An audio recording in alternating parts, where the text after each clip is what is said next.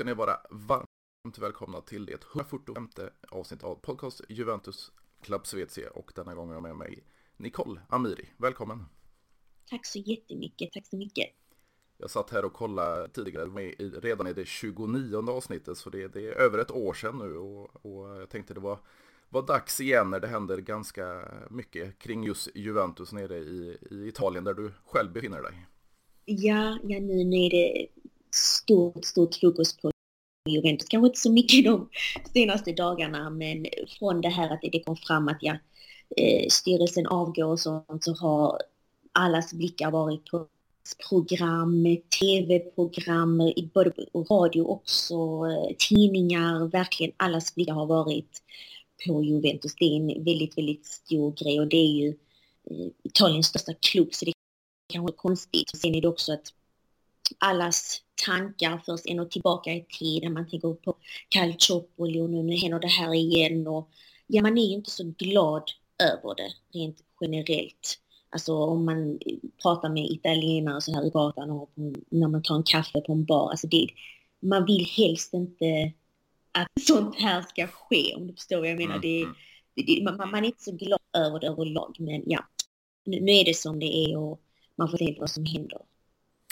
Ja, och det har varit lite, vad ska man säga, kritik jag, jag har sett från, eh, det är väl Italiens justitieminister Nordio, eh, som har varit väldigt, luftat lite åsikter kring att just de här telefonavlyssningarna då på mm, ja, diverse Juventus-direktörer kommer ut i media. Man, han tycker ju att det, det, det är för jävligt rent ut sagt. Eh, finns det någon annan kritik från andra, ja, om det är journalister eller, eller politiker i Italien mot att ja, det, det, det är väl, verkligen ute i offentligheten. Ja, men absolut. Det, det, den kritiken har jag också sett från andra, men sen är det faktiskt, det var en journalist som häromveckan skrev att eh, han skrev på Twitter då, och det, det blev ganska så stort det här inlägget och han sa att jag märker på journalistkollegor att de faktiskt nästan gottar sig i det här, i det här kaoset inom Juventus att åh, nu händer detta Juventus och, och så betonade han liksom att nu är vi alla journalister och visst kan man Visst håller vi väl alla på något lag, det, det är normalt. Vi, vi kan hålla på ett lag, men vårt jobb är att vi ska vara objektiva. Vi ska inte uttrycka våra åsikter och, och våra tankar och våra känslor. Det, det ska liksom inte sippra ut när vi eh, rapporterar om det här, vare sig det rör Juventus, Inter, Milan, ja vilket lag som helst. Våra känslor ska liksom inte komma ut och, och då menar man på att det är många journalister som ja, men känner lite skadeglädje över det som händer. Som jag sa tidigare, Juventus är ju Italiens största klubb. Det är en av världens största klubbar och man har liksom överlägset många, överlägset flest inska titlar och det är klart att det här kanske sticker i ögonen hos vissa, hos, hos många supportrar såklart, givetvis. Men sen tycker jag själv också att det är oprofessionellt att journalister ska gå ut och liksom gotta sig i det här och känna jaha, nu, nu, nu händer detta Juventus igen. Bara för att de är supportrar till ett annat lag. Och, och jag håller faktiskt med, det, det är oprofessionellt faktiskt. Ja, och man får ju lite känslan, alla vet ju att ja, diverse tidningar nere i Italien, de, de har kopplingar till, till olika klubbar och de, de ja, skriver lite mer skit om andra klubbar om man säger så. Eh, ja. Och det har ju varit väldigt mycket från, jag vet kanske framförallt då Gazzetta dello Sport och kanske Corriere dello Sport om, om just de här telefonavlyssningarna som, som berör Juventus-direktörer. Sedan finns det ju även journalister på, på dessa tidningar då som är ja, mer kopplade till Juventus också. Men, men ser man tidningarna överlag så, så är det ju ganska mycket ja, skitsnack kring, kring Juventus. Ja, absolut, absolut. Det är tråkigt att det är så, men ja. det, det, ja, jag vet inte riktigt vad jag ska säga, men det, det, det, det är jättetråkigt. Samtidigt så, så är det vissa som menar till exempel på det här att eh, holdingbolaget då Exor, mm. eh, det är ju det bolaget som, som äger La Repubblica, La Stampa, lokaltidningar, radiokanaler och vissa menar att det faktiskt påverkar påverkar bevakningen av de sker, att journalister på de här tidningarna, på de här lo lokaltidningarna, radiokanalerna, de håller tillbaka lite och ja, skriver inte allt som finns att skriva om. Så att jag tror att det är både och. Mm. Att, alltså så, ja visst, Gazettan och, och många andra tidningar kanske går lite för hårt och det finns journalister som kanske verkligen utåt sett visar sin skadeglädje. Men jag tror också att eh, det kan ligga i det här med att journalisterna på de här tidningarna och radiokanalerna som Exor då äger, att de kanske håller tillbaka lite. Men det är också så himla typiskt mm. Italien på något sätt. Ja, och det känns ju ändå så här, det, det kom ju även, det har ju varit ganska tyst egentligen, men, men det var väl Toto Sport då som gick ut med att eh, domaren då skulle frikänna Juventus framförallt på, på, tre punkter och det var ju att de här så kallade lönemanövreringarna, att det, var så kopplat till ja, covid-pandemin och så vidare, att det, det hade inte hänt om det inte var så. Eh, och det här med, med plus Valenza-affärer, det, det, är så, vad ska man säga, det är ingrott i, i den moderna fotbollen. Det är, inte, det är inte något olagligt egentligen och det är ingenting som Juventus håller på med att, att spela värderingar. Det är ju egentligen köpande och säljande klubb som, som värderar sina spelare. Eh, mm. så, så det kom ju från Tuttosport då att det skulle frikännas men, men det har ju inte kommit ut någon, någon, något officiellt och det är ju inga andra tidningar egentligen som, som skriver om samma sak. Nej, det är sant. Men, men det, det, det är ändå många advokater som är ute och pratar, många som har insyn i det här och det, det är en känd advokat. Eh, Roberto Afeltra heter han. Mm. Eh, en väldigt, alltså ja, kändisadvokat kan man kalla honom. Och han är helt övertygad om att det kommer inte bli någonting när det kommer till det här med liksom plus Valenza.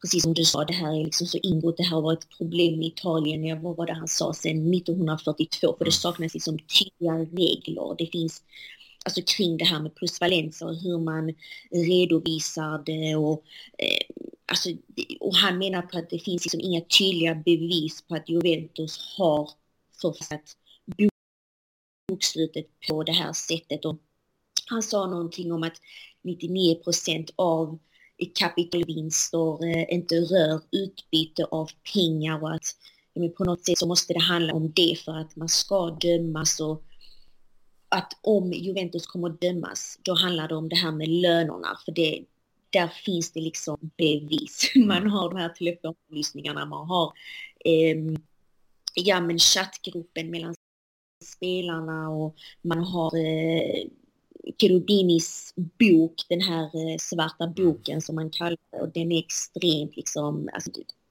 de, de grejerna är, det är liksom så motbevisat för där har man liksom, man har fakta, man har bevis och där kommer man förmodligen att dömas men frågan är bara hur. Mm. Bara att det blir liksom böter. Men sen är det också det här med spelarkontrakten. Alltså, hur, vad var det för typ av avtal som gjordes med spelarna liksom under bordet?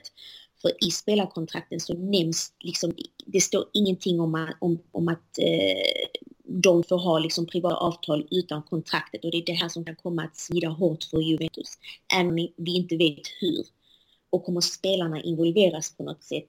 Det vet vi inte heller. Det är därför det tar lite tid från åklagarmyndigheten nu. Det, det sägs inte så mycket därifrån. För man, tydligen är det också bara väldigt få personer som går igenom den här Prisma-utredningen och det är därför det tar så lång tid. Eh, av det jag har hört, jag vet inte om det, det verkligen är så men mm. eh, man går igenom allting nu och man, man, ingen vet egentligen vad som kommer hända men jag tror också att jag läste från någon annan advokat att det här med plusvalensa, det, det, de har redan friats liksom. Mm. Det här och det är så många andra klubbar som också var involverade. Det får man heller inte glömma. Um, och att kommer de dömas då är det för det här med, med lönerna. Ja, precis, för, för det har ju varit, jag tror om det var i april eller maj så, så, så frikändes man ju just kring det här. Och eh, mm. som du säger, det är ju ganska många kommer inte ihåg hur många italienska klubbar det var, men det var ju x antal. Det var ju Atalanta, Genoa, Sassuolo och så vidare som, som var i Serie A. Mm. Sen var det nere i Serie B och sen var det även utländska klubbar. Men man förstår ju att de, de, de fokuserar ju även på, på Juventus i och med att man, man är den största klubben i Italien och en av de största i Europa och världen. Så, så det är klart att ljuset faller på Juventus. Men, men som du säger, det är ju även andra klubbar involverade i detta. Ja, ja absolut. Och det, eh, Juventus advokat Maurizio Panitz, han är, han är också en väldigt känd eh, advokat. Han eh, representerade en av de åtalade i Bunga Bunga Gate. Emilio Fede, en journalist och nyhetsankare som han dömdes till slut för att ha hjälpt eh, Berlusconi att rekrytera rykte om sig att vara liksom supervass. Så han, Emilio Fede, han dömdes till typ så nästan fem års fängelse men det blev att han fick avtjäna sitt straff hemma. Så, så grym är den här Pant liksom. Men eh, han har också gått ut och snackat och, och sagt att eh, det, det finns liksom regler som tolkas på olika sätt. De är inte liksom jätteklara och uppsåt måste kunna bevisas för att det ska vara ett brott och att alla har liksom olika uppfattningar gällande de här lönerna. Men han har också sagt det här att vinden blåser alltid på de högsta topparna, att Juve är mer liksom övervakat än alla andra klubbar och det är därför eh, det är därför allt det här liksom har, har kommit upp till ytan för att Juve kommer alltid vara, är den största klubben och kommer alltid ha så många ögon på sig. Och rotar man i andra klubbar, ja då kanske man hittar eh, samma, kanske mer.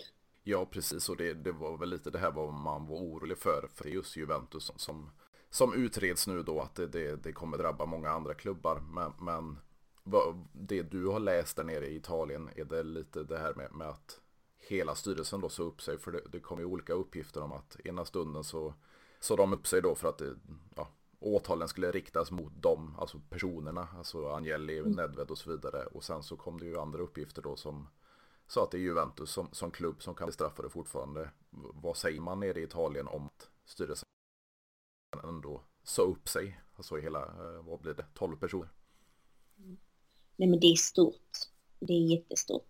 Eh, det, det kom ju som en chock. Det är därför man, man kallar liksom terremot och Juventus, mm. Juventus bävning för att det är en stor grej. Det är en jätte, jättestor grej och sen kollar man också liksom det har också gjort att man börjar titta lite på Agnelli-familjen och John Elkan och hur är dynamiken egentligen mellan de här två kusinerna. Det, man har börjat titta li, lite på det här också.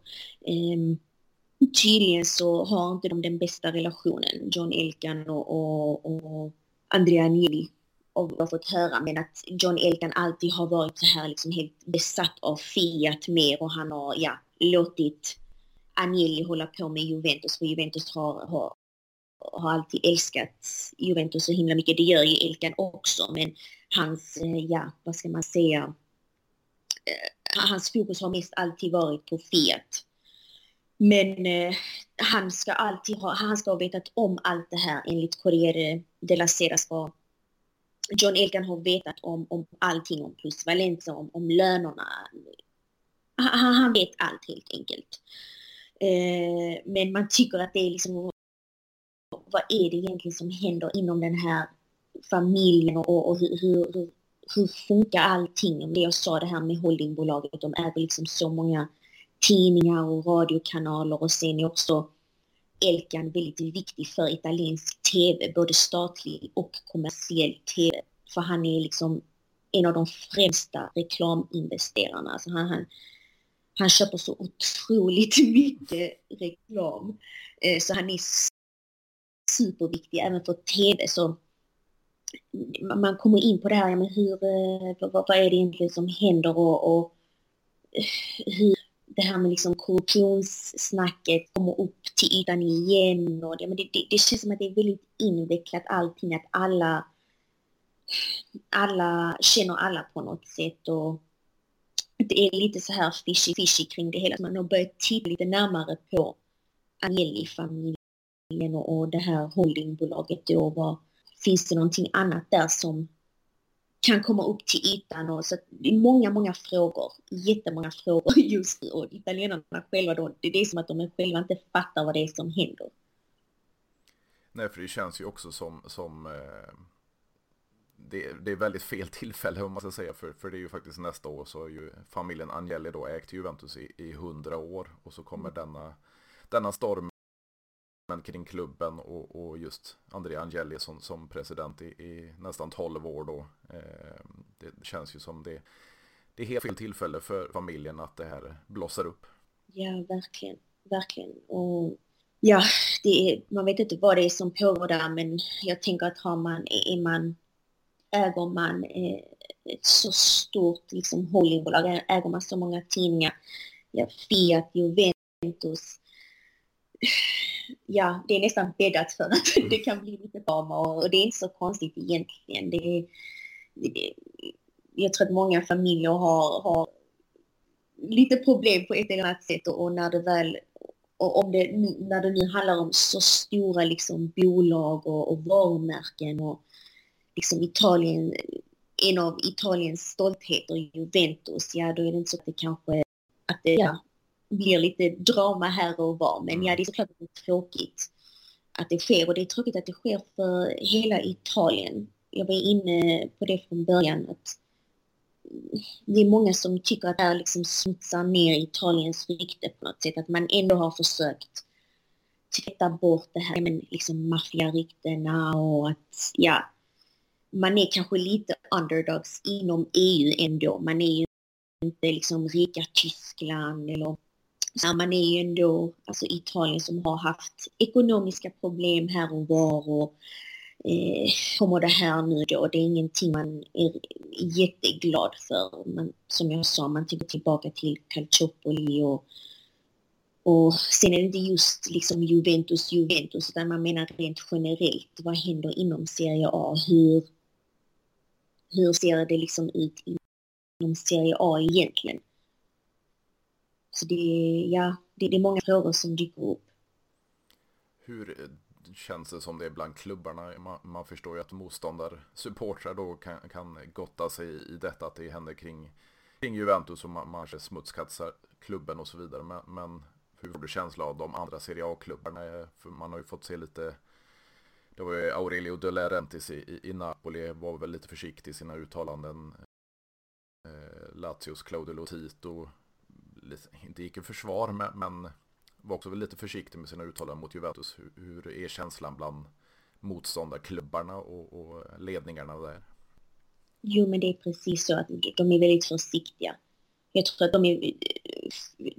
Alltså, det är väldigt få som har ut och uttalat sig. Sen när de har fått frågan så har de ju varit tvungna att svara. Men um, ja, kanske för att de också själva är lite oroliga. Mm. De vet inte vad som, um, vad som finns på dem det, det är ju jättemånga som tror att det här är bara början. Så Juventus är bara, det är liksom startskottet. Eh, det här kommer bli Terremoto Serie A. Det kommer inte bli bara stanna på Terremoto Juventus utan det här kommer att bli en hel jordbävning av vi kommer att få se mycket mer från många olika klubbar och det har ju så många andra också gått ut och sagt att det man kommer att titta på andra klubbar, man kan redan titta på andra klubbar så det är inte så konstigt att alla de är försiktiga. Eh, för man vet inte vad som finns på dem. Och, eh, när, när Kebo relegerades till, till serie B till exempel, det var någon, jag tror det var han eh, Roberto Afeltre, han kända advokaten som nämnde det här att eh, de åkte ner till serie B för mycket mindre än alltså det som Juventus eh, ja, anklagas för nu. Mm. Men det var ett telefonsamtal som avlyssnades och det var med Cesenas president, tror jag det var, då sa han vi gör som vi, vi har gjort alla år. Vi skrev 20 miljoner men du ger mig bara 10 och det var det som liksom som fick dem att, att åka ner. Så jag menar de, de, de lyssnar av, det gör de. De lyssnar av, de, de har, har koll. Så jag tror att klubbarna nu, de är kanske, jag tror att de har all rätt att vara oroliga. Nu menar jag inte att alla klubbar eh, håller på med sånt här, men det har ju gått ut och sagt att det kan vara fler klubbar som, som kan komma att utredas och det kommer förmodligen bli så. Sen så får vi helt enkelt se hur det blir nu med, med Juventus. Det verkar inte som att många tror att, att det verkligen kommer att bli någonting stort, att de kommer att åka ner till Serie B, att de kommer att förlora titlar och så vidare. Vi får se, nu har ju Uefa också öppnat upp en mm. utredning. Jag vet inte hur många utredningar det finns, men vi får se vad de säger. Ja, för det känns ju ändå som det, det är ett ganska, eh, vad ska man kalla det, gediget system nere i Italien. För alltså, går vi tillbaka i tiden så fanns det ju det här med delägarskap och så vidare. Eh, en riktig cirkus som sedermera blev eh, att man, man värvade spelare men lånade ut dem och, och ja, hoppades på en, på en fin utveckling antingen för att ta tillbaka till seniorlaget eller sälja lite, lite dyrare än vad man köpte dem för. Så det här systemet med, med plus Valenza och tjäna pengar det har ju funnits i Italien i, i alla år höll jag på att säga, men, men sedan länge i alla fall. Eh, och, och, man kan väl ta exempel som, som Parma då, som hade, jag vet inte hur många spelare registrerade i klubben, men väldigt få av dem spelade just i Parma. Eh, så det känns ju som det är sånt utbrett system i Italien. Eh, och det var väl lite det som Tuttosport var inne på då, att det, det, det är så ingrott i, i Italien och i Serie A och, och eh, Calcion överlag och, och transfermarknaden och så vidare. Eh, så, så det känns ju som det blir inte en ursäkt för Juventus men, men det blir ju ändå det, det finns naturligt i, eh, i Italien. Ja, absolut, absolut. Så är det ju. Och det är väl det som Cherubini också anklagar Paratici mm. för, liksom att han, det här med just de här unga spelarna och att han, eh, vad var det han sa, Drå, äh, Fabio drogade marknaden. Um, och nämnde Kulusevski, Chiesa som, ja han sa ju det själv, de är ju fantastiska spelare men att de köpte dem alldeles för stora summor och Kulusevski som bara hade spelat liksom fem månader i A. Vad var det de betalade honom för? 35 miljoner euro mm. plus 9 miljoner och att det var liksom, det var alldeles för mycket. Visst, det, de är fantastiska spelare men men, men att han helt enkelt, det han gjorde med de unga spelarna var, han bara helt drogade marknaden liksom och det är väl det Cherubini störde sig enormt på med Paratici. Ja, precis och det, det, det känns ju som det, för nu kommer det ju återigen då eh, rapporter kring att Juventus vill ha tillbaks eh, ja, egentligen Paraticis parhäst i Beppe som, som eh, mm. ändå har kontrakt med, med in 2025 men, men med den nya styrelsen då och, och eh, så vidare så, så, vill man ha tillbaks Marotta som, som en, eller var en väldigt hyllad sportchef och sportdirektör i Juventus. Och tror du att man, man, man försöker göra en omställning eller en återställning så att säga och, och ta tillbaks Marotta. För det talas ju även om, om Christian, Christian Juntoli och, och eh, båda direktörerna egentligen Carnevali och Rossi då i, i Sao och så vidare. Men huvudmålet verkar vara Marotta. Eh, tror du att den, den, nya styrelsen då vill, vill eh, göra en återställning så att säga? Alltså det verkar ju så. För det, hans namn eh, florerar ju i media. Och, och det, det, verkar ju som att Juventus verkligen vill ha tillbaka honom. Som du sa, han är ja, alltså, omtyckt. Och han är också omtyckt i, i Inter. Mm. Men frågan är om, om det verkligen kommer att gå. Det, det, jag ställer mig frågande till just det. Kommer han vilja gå tillbaka till det här nu eller nu har han ju väl helt okej i Inter. Det är en, eh, ja, jag vet inte om han, om, om han verkligen, om de lyckas övertala honom, men jag tror absolut att de vill ha honom. Annars hade nog inte hans namn eh, florerat så mycket i media faktiskt. Jag, jag, jag, absolut så vill de försöka få tillbaka honom till varje pris, tror jag, men frågan är om han verkligen vill. Jag tror inte det om jag ska vara helt ärlig.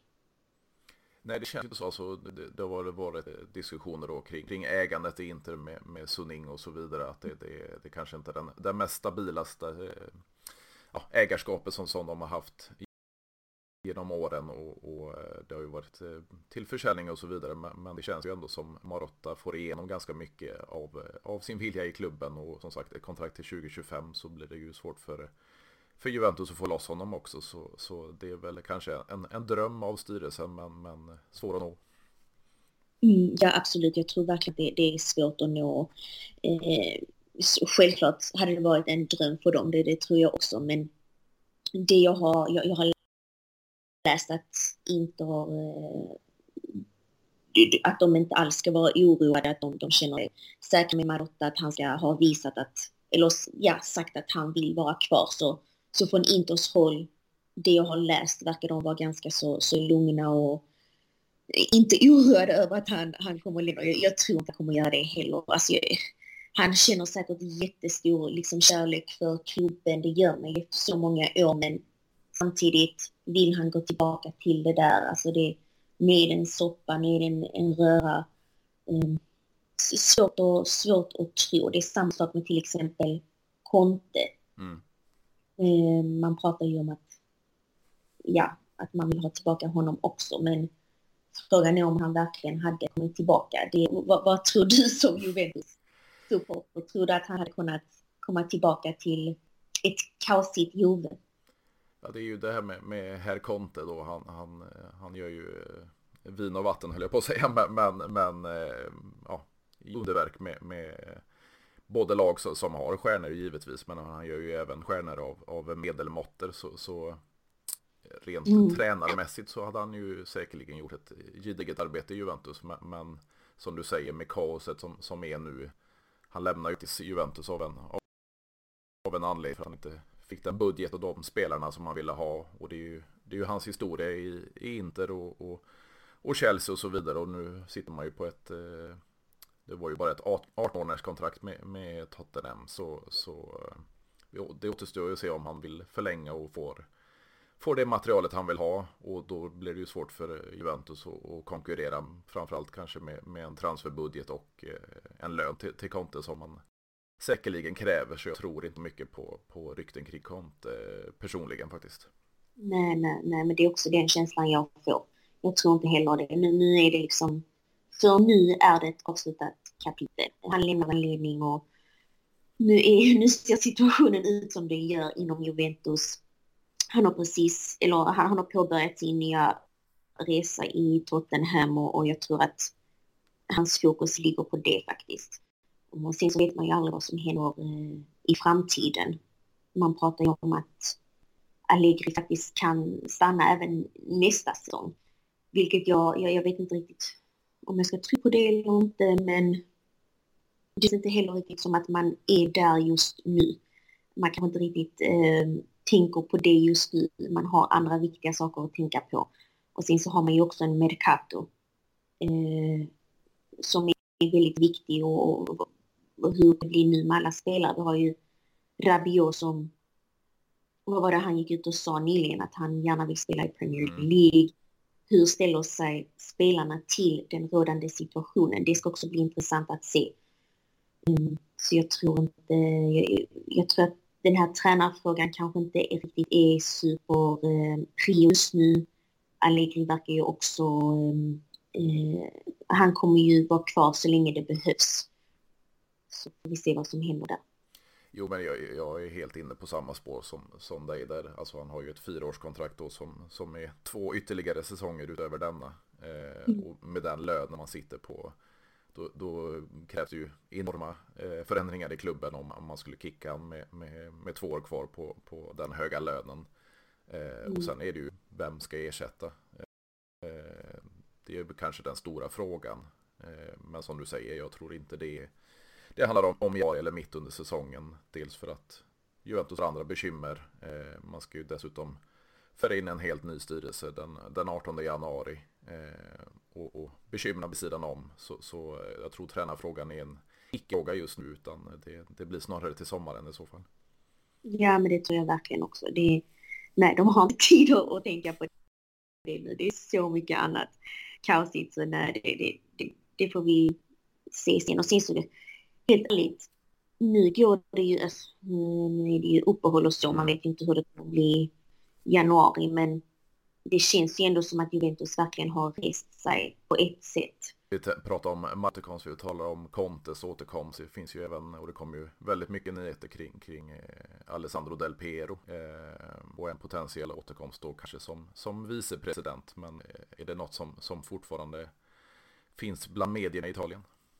Absolut, och jag tror till och med att det var Juventus advokat i en intervju, han intervjuade eh, nyligen, Odos Panitz. Och jag tror faktiskt att det var han som sa att, eh, att Del Piero kan bli Juventus Maldini, att han kan få den där rollen. Att, och det verkar ju också som att Del Piero själv också vill. Han har väl eh, till och med sagt att han är beredd för en liksom, återkomst, att han är, han är i beredskap och kan komma och hjälpa klubben på ett eller annat sätt. Och självklart är det någonting som fortfarande eh, det pratas om. Och helt ärligt tycker jag att det är jättebra. Eh, super uppskattad spelare, Juvelegend. Självklart borde man ta in honom utan att ens överväga att tänka på saken. Jag tänker bara på hur uppskattad Maldini är mm. Milan idag. Som i, i den rollen han har. Han är ju mer än bara en ambassadör. Han är, han är så extremt stor för klubben. Han gör så mycket idag. Jag tror faktiskt Del Piero att det, det hade varit väldigt bra för Juventus varumärke och jag tror att supporterna hade uppskattat det riktigt, riktigt mycket faktiskt. Ja, precis, för det, det är ju de flesta rapporterna har ju sagt att han vill ju inte ha en, en vad ska man kalla det, ambassadörroll, utan han vill ju verkligen ner och, och, och hjälpa till med, med, med, sin, ja, med sitt Juventus-DNA, och sitt Juventus-hjärta och, och, vara någon sorts direktör. Och då, då kom det ju med en vicepresidentroll då som, som mm. potentiellt kan, kan erbjudas. Eh, men, men tror att det, det, det blir så den 18 januari när man ska annonsera den nya styrelsen? Alltså svårt att säga men jag tror ändå det att det, det, det kan bli så. Sen mm. vet jag inte om det verkligen blir så, men jag, jag, jag tror inte att man helt ska utesluta det, utan att man ändå ska, som supporter hade jag känt mig optimistisk för hans, man har ju ändå pratat om honom mycket nu det här har hänt, att han själv också har gått ut och sagt att han är beredd att komma in, han vill hjälpa klubben på ett eller annat sätt. Sen så kanske han inte just blir vicepresident, han kanske blir eh, det som Maldini är, etnisk direktör. Mm. Och, och, det är också en jättefin roll, tycker jag. Maldini är ju väldigt involverad i Mercaton och, och transfers och så vidare. Pratar med spelarna, det är också en jättefin roll att ha. Eh, sen vet inte jag vad Del Piero har för eh, kvalitet och egenskaper som, som kan hjälpa Juventus. Han kanske är eh, bättre inom ett annat område. Mm. Men jag tror absolut att han är ett namn som man diskuterar och jag blir inte förvånad om eh, han kommer att presenteras som in i, i styrelsen i, i januari. Och de andra två, vi har ju egentligen bara två namn som, som ja, temporärt åtminstone är färdiga. Vi har, vi har ju sett en, en Gianluca Ferrero som trädde in då som en, en sorts president i, i Angelis eh, avsked där och sen har vi ju då Maurizio Scannavino eh, som en sorts vd efter, det blir ju efter Arriva Bene då. Eh, de här två namnen, det är du, båda har ju kopplingar till, till familjen Angeli Elkan, men kanske framförallt, eh, det var väl Scannavino då som har gått eh, i skolan med, med John Elkan och så vidare. Så, så tror du att de här två blir temporära eller kommer de, de även utses den, den 18 januari? Ja, det har ju pratats lite om det. Scannavino, det verkar ju som att han redan har, han är liksom redan ny vd. Mm. Han började liksom sedan dag ett. Och som du sa, då han är supertajt med Elkan, det är hans högra hand. Och han, är, han har ju varit general director för Jedi Group. Det är den där, eh, där tidningarna ingår. Mm. Så det är det som är frågan. Kommer han att bli liksom permanent ny vd eller kommer han att gå tillbaka till Jedi Group? Det är det man inte riktigt vet. Det har cirkulerat lite andra namn som eh, som kan komma av den rollen. Jag, jag, jag, kommer inte ihåg dem, mm. men, men, man vet inte det heller. Men det har, det har diskuterats kring liksom Scandinavien kommer han att, om han kommer att bli temporär eller om han eh, kvar. Så det är också lite osäkert kring det. Det känns att det kanske var en liten quick fix. Eh, att eh, ta in honom som vd direkt. Samtidigt är han så tajt med Ilkan, han känner till holdinglaget in och ut. Jag blir inte förvånad om han blir liksom temporär, eller vad säger jag, permanent mm. VD. Men det, det återstår att se. Gianluca Ferrero han har ju nominerats till presidentposten. Kanske att det är, blir mer temporärt där han är också en väldigt, väldigt stående ja vad ska man säga, han. Mm. Han har en hög, högt uppsatt roll i, i banken i Piemonte. Eh, väldigt, väldigt, eh, ja, många ser upp till honom. Så han, han tror jag mer kommer ha en så här permanent roll, men lite oklart kring Scanavino. Och sedan, ja det är ju nämnts diverse namn som du är inne på. Ett som kommer i, i åtanke som, som har mycket kopplingar till Juventus men, men även varit inne i Uefa och så vidare. Det är ju Evelyn Kristelin, eh, om jag uttalar det rätt. Eh, och det är ju diskussioner nu också. Det, det, var ju även snack om en potentiell presidentpost för henne i Juventus. Vad, vad sägs det någonting om henne just nu? Eh, ja, du, det är inte så, jag, jag har inte läst så mycket om henne faktiskt, om man ska vara helt ärlig. Um, så jag, jag, jag, jag, kan tyvärr inte svara på det. Eh, jag har inte läst så mycket om henne kring eh, Juventus Juventus-gren mer än som kanske bara har eh, kommenterat lite saker om. Jag, jag vet inte vad, vad, hur hennes roll kan komma att se ut eller om hon jag tror kanske att hon är väldigt fokuserad på Uefa och, och FIFA, FIFA just nu och det hon har gått ut och pratat om är väl mer eh, här med Cristiano Ronaldo och hans, ja, hela den här grejen då med kan, det han begär av Juventus, de, vad är det, 19,9 miljoner euro. Men, men jag vet inte, mer än så vet jag faktiskt inte. Nej, och sen sedan så har du gjort lite andra namn och det är ju, det är ju ganska naturligt förutom just Alessandro Del Piero så, så talas det ju givetvis om Gigi Buffon och Giorgio Chiellini och eh, Claudio mm. Marchisio. Men, men, det är ju det här som du var på själv och vad man bara för att man, man, är en ikon i en klubb så, så kan man ju inte ta vilken roll som helst. Nu blev det ju väldigt eh, bra position för, för just Paolo Maldini i Milan men talas det lika mycket om, om just de här tre namnen tillbaks till Juventus i, i någon roll eller är det mer vi supportrar som, som önskar det?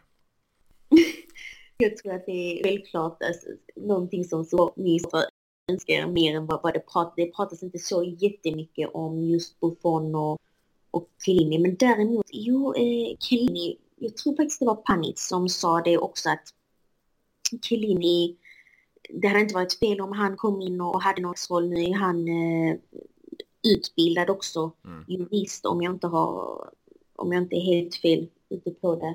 Att han har, han har mycket kunskap när det kommer till eh, ja, men olika typer av frågor, kanske är ekonomi, det kan mm. inte vara, men och, och väldigt, är väldigt kunnig inom vissa områden att han kan komma in och få en roll också. Så Chiellini är väl den som det kanske har pratats mest om från Juventus håll och då syftar jag på advokaten Panic. Mm.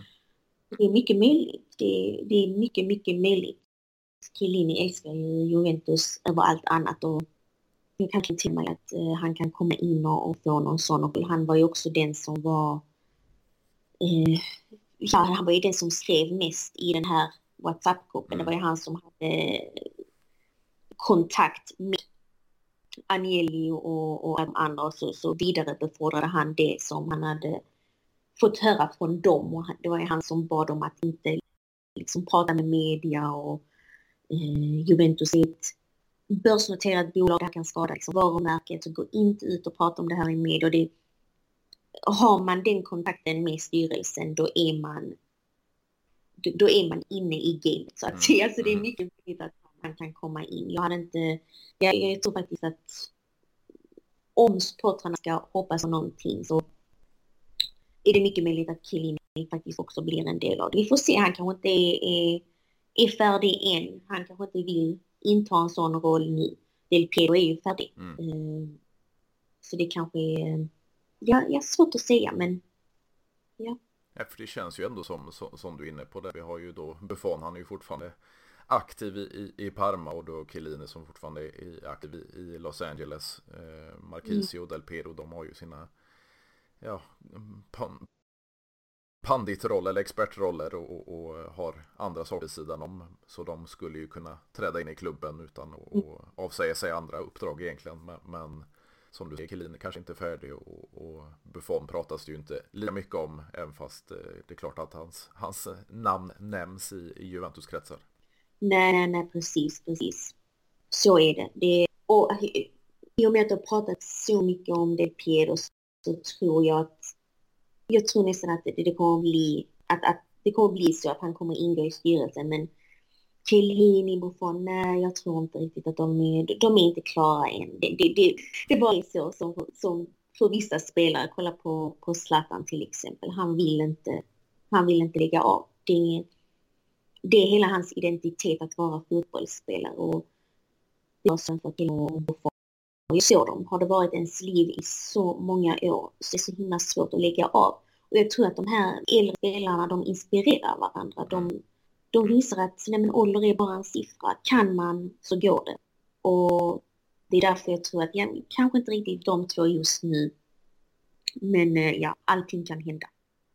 Ja, precis. Och, och eh, ska vi ta lite, li, lite fotbolls, eh, vad ska vi säga, resultatmässigt och Serie A överlag egentligen så, så som du var inne på, vi fick ju se Juventus under de, de sista 6-7 omgångarna, Eh, om vi bortser från, från Europaspelet då, flyga eh, och, och, ta sig upp till en, till en tredje position bakom Napoli och eh, Milan. Men eh, nu har det ju varit ett, eller fortfarande ett VM-uppehåll innan ligan drar igång i januari igen. Vad, vad sägs det nere i, i Italien om Juventus scudetto-jakt? Man är ju ganska långt efter Napoli, men i och med att man flög så här in på, på uppehållet eh, talas det om eh, en, eh, en scudetto-kamp även för Juventus. Absolut, absolut. Eh, det gör det verkligen. Eh, och just det här, eh, det, det, det, vi kommer få se mer av det i januari. Det är det man, man trycker på, den här pausen, den här långa pausen. Det är lite avgörande. Sen så såklart pratar man ju såklart också om den här skandalen jättemycket, hur det kan komma att påverka och, och på spelarnivå och eh, Allegri och så vidare. Kommer man få se det i spelet? Ja, det är mycket möjligt och det är inte så konstigt egentligen, men före uppehållet och, och innan hela den här grejen uppstod så eh, självklart pratar man om Juventus som en scudetto-kandidat och att gud, nu har man resa igen och wow, det här är ja, man ska absolut inte utesluta dem. Men eh, nu har ju allt det här hänt och sen så vet man ju inte hur det kommer att bli efter uppehållet. Det är så många som är och, och så många som har spelat i, i Qatar. Juventus har väl eh, flest spelare i, i VM i hela CA. Mm. Hur kommer det påverka?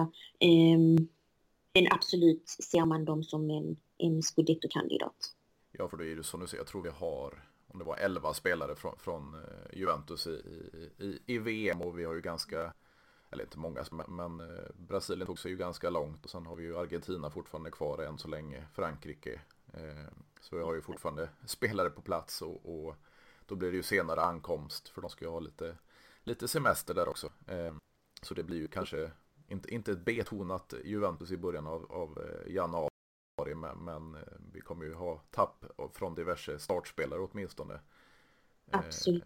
Sen tänkte jag också på det här med, med, vi fick ju läsa idag då med lite, inte bakslag, men att Paul Pogba ligger lite efter i, i återhämtningsschemat medan Federico Chiesa är, inte sin livsform, det är väl fel ordval, men, men att han sen, sen skadan då är verkligen i form och, och på. Vad, vad sägs om just de här två spelarna nu inför? Nej men det är väl det här att eh, Pogba, att han har, eh, han har jobbat väldigt mycket nu under de här veckorna. Han har eh, simmat väldigt mycket, han har varit i gymmet, eh, han har till och med börjat eh, springa själv. Och hans mål nu är att han ska komma tillbaka alltså, i gruppträning inom 10 till 15 dagar. Mm.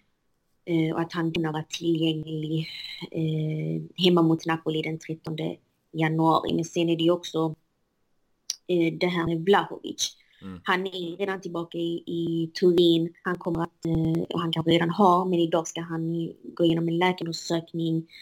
Um, så får vi se lite, det är lite osäkert på kring hur Allegri kommer att hantera Vlahovic de här dagarna. Ehm, kanske att han kommer få ett eh, sånt här personligt träningsprogram så att han också kommer att eh, inte ingå liksom i gruppträningen än. Eh, men eh, ja, det är såklart eh, liksom med Pogba och, och många skadade spelare men det känns ändå som att Pogba kommer tillbaka i januari och att han då ändå kan komma få chansen och, och verkligen visa vad, vad han går. Det är ändå den känslan jag får av rapporteringen kring honom och, och de andra spelarna. Att jo men till januari så då kommer de flesta vara tillbaka och att man ser ändå positivt på de skadade spelarna.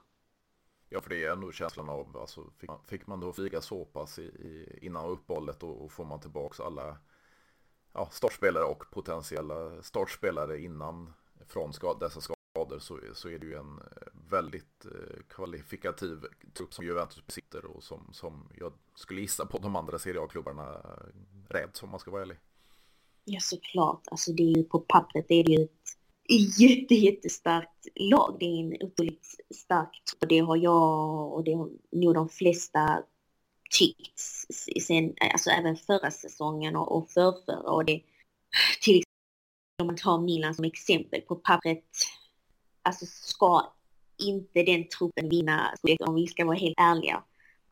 Men Juventus har verkligen en superstark trupp, superstarka spelare och det är inte konstigt att de är en av kandidaterna till scudetton. De, det är mycket möjligt att de, att de vinner scudetton.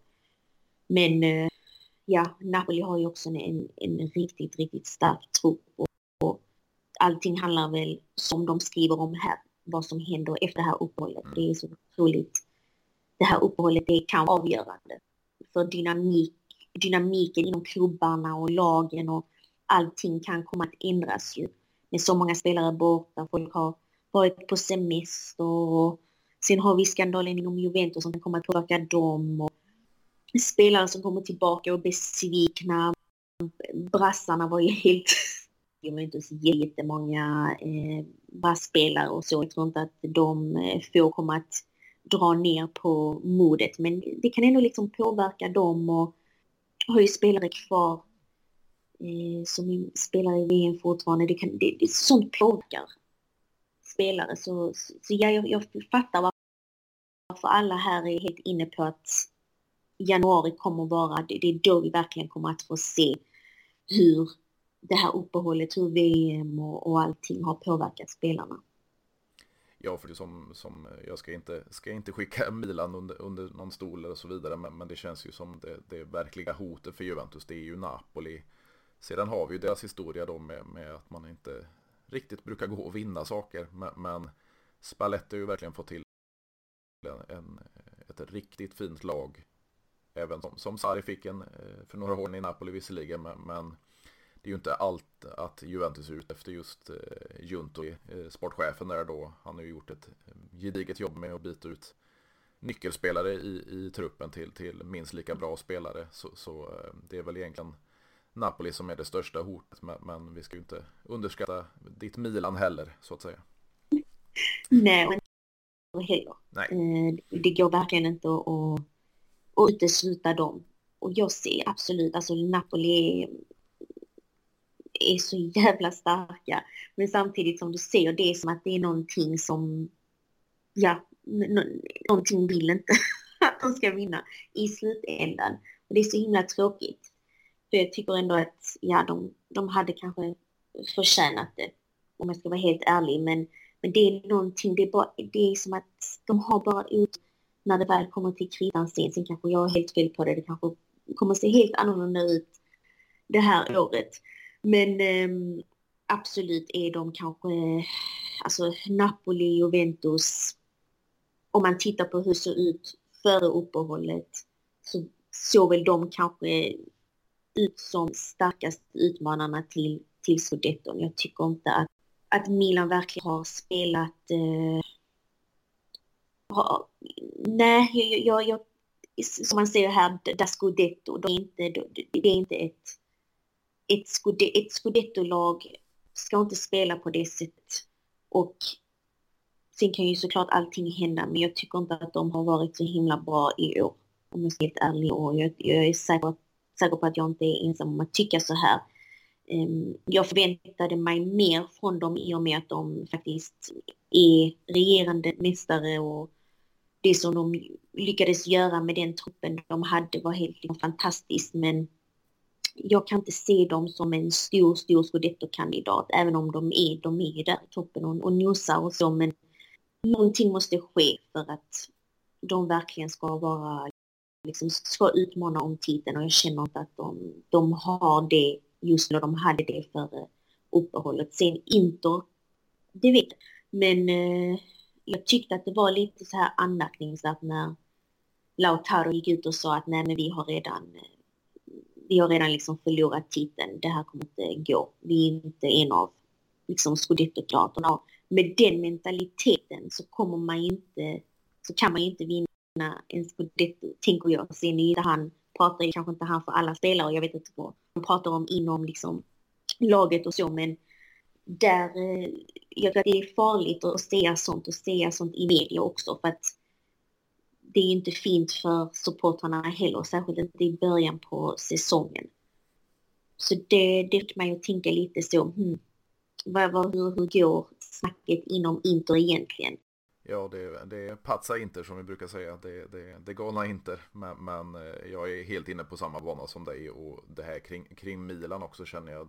Jag har sagt det i många avsnitt nu att Milans fjolsäsong, det var en Juve-esk säsong. Man, man eh, kanske inte hade spelet med sig i alla matcher och man kanske inte skulle ha vunnit alla matcher men man tog de där skitmatcherna till, till, till tre poängare åtminstone och då vinner man till slut eh, scudetton.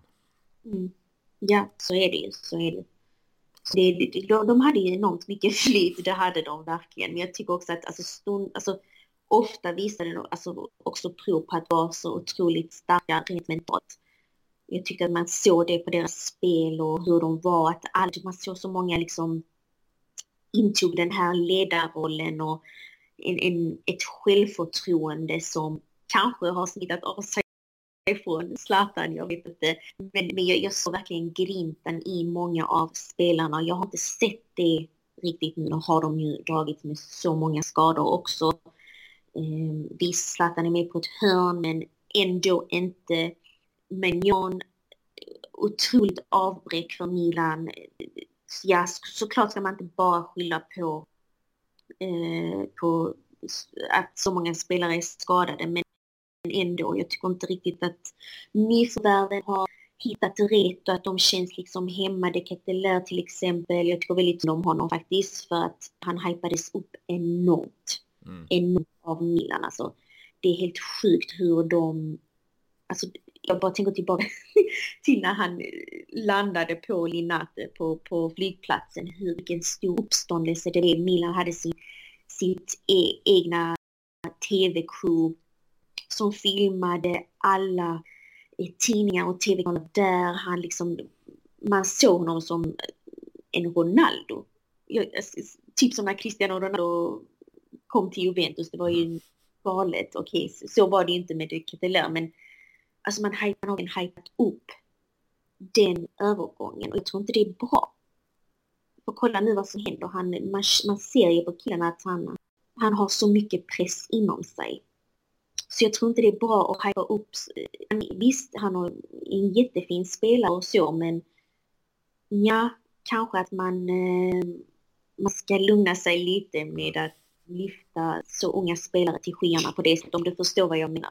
Absolut, alltså komma från, från en, eh, ska man, ska man vara ärlig, en lägre liga och, och eh, den unga åldern och så hypas på, på det sättet. Det, det är ju att lägga ett tungt ok på hans axlar och, och det är givetvis svårt att, att leva upp till och, och eh, om ett, ett Milan-historia så, så det är ju de, de, stora spelarna som har burit klubben och precis som i, i Juventus och Inter och så vidare. Det är ju inte kanske de här unga diamanterna som kommer upp utan de, de ska spela in sig i klubben, i, i, ligan och så vidare och inte få den pressen på sig från, från start. Och det, det kanske är ett, ett problem som, som du säger i Milan att det, de har, har hypat han alldeles för mycket.